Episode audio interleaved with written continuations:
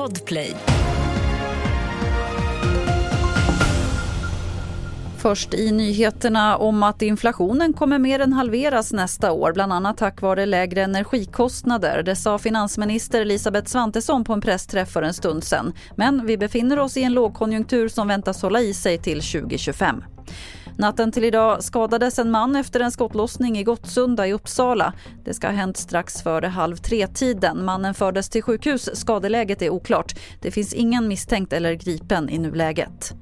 Rökningen i Sverige har minskat med 42 procent på 20 år enligt Centralförbundet för alkohol och narkotikaupplysning. Samtidigt ökar försäljningen av vätskor till e-cigaretter och vitt snus explosionsartat. Och nu ska forskare titta på hur det vita snuset påverkar kroppen. Användning hos då mamman under graviditet har vi sett har gett påverkningar på hur det går för barnet i magen. Vi har också sett att när vuxna personer använder snus, och det har varit brunt snus vi har studerat då, har eh, haft en ökad risk att utveckla typ 2-diabetes. Eh, så på det sättet så eh, tycker jag inte att man ska kalla det här för någonting som är riskfritt.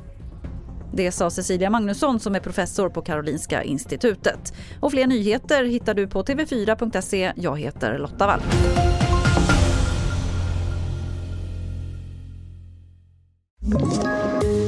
Poddtips från Podplay.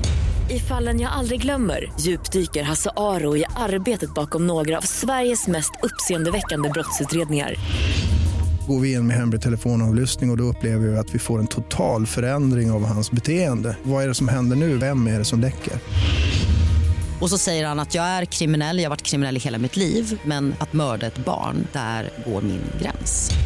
Nya säsongen av Fallen jag aldrig glömmer på Podplay.